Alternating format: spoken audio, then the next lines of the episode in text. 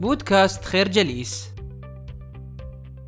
عندما تقوم بالتفاوض مع شخص ما عليك أن لا تنظر إليه على أنه خصم يجب التغلب عليه. كما أن المفاوضة ليست معركة ينتصر فيها شخص واحد فقط بل يجب على الطرفين التعاون للوصول إلى حل يرضي جميع الأطراف ويحقق الفوز للجميع. وأثناء التفاوض عليك التركيز على الحقائق واستخدام لغة غير قاسية أو مستفزة مع الطرف الآخر. ولا تتهم من تفاوض بأن رأيهم غير منطقي. ولا تستخدم أساليب هجومية في النقاش لأن هذه الأشياء تحول المفاوضة إلى موضوع شخصي. الفكرة عليك أن تعزل الناس عن المشكلة.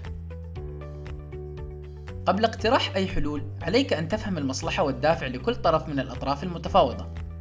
فمثلا لنفترض وجود برتقالة واحدة على طاولة الطعام في أحد المنازل وكان هناك شقيقتان ترغب كل منهما الحصول على هذه البرتقالة. وبعد نقاش حاد ومفاوضات طويلة قررت الشقيقتان اقتسام البرتقالة مناصفة بينهما. قد يرى الكثير من الناس أن هذا الحل هو الحل الأمثل لهذه المشكلة ولكن هذا الحل يركز على المواقف فكل أخت أخذت جزءا من البرتقالة ولو نظرنا بتمعن فسنكتشف أن الأخت الأولى كانت تريد لب البرتقالة لتحضر منها عصيرا أما الأخت الأخرى فكانت تريد قشرتها لتصنع منها كعكة. وعندها يكون هذا الحل هو الحل الأمثل لهذه المشكلة بحيث تتحقق المصلحة القصوى لكلا الطرفين. الفكرة ركز على المصالح لا على المواقف. عادة عندما يتفاوض شخصان على شيء ما يكون لكل طرف من طرفي النقاش حل يخدم مصلحته بشكل أساسي وينحاز إليه بعيدا عن مصلحة الطرف الآخر وبالتالي تفشل المفاوضة ولا يتم الوصول إلى الحل الأمثل. لذلك بدلا من أن تفرض حلا متحيز وحادي الجانب عليك أن تكون متفتحا لمناقشة خيارات متعددة تخدم جميع الأطراف. فمن المهم جدا أن تضع قدمك في حذاء الطرف الآخر وأن تلبس قبعته حتى تستطيع أن تنظر إلى المشكلة من الزاوية التي يراها هو.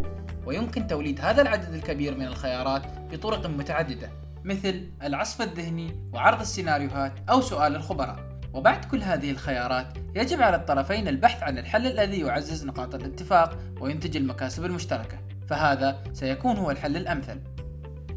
الفكرة ابحث عن حلول عديدة قبل اختيار الحل الأمثل.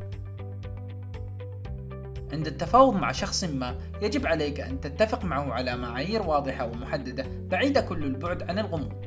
وبذلك تضمن أن التفاوض سيقوم على أسس موضوعية غير قابلة للنقاش. وبالتالي ستزيد فرص الوصول إلى اتفاق فمثلا إذا كنت ترغب في شراء سيارة فيجب ألا تقبل بالسعر الذي يفرضه عليك البائع فإذا أخبرك أن سعر السيارة 200 ألف درهم فيجب أن تسأله كيف وصلت لهذا السعر؟ هل اعتمدت على أسس موضوعية مثل سعر السوق أو حالة السيارة؟ أو هل لديك معايير أخرى تستخدمها لتحديد السعر الحقيقي لها؟ عندما تفعل ذلك تصبح المفاوضات أسهل وأوضح وبالتالي تتم عملية الشراء بسلاسة ويسر. الفكرة ركز على معايير محددة وأسس موضوعية. نشكركم على حسن استماعكم. تابعونا على مواقع التواصل الاجتماعي لخير جليس، كما يسرنا الاستماع لآرائكم واقتراحاتكم، ونسعد باشتراككم في البودكاست.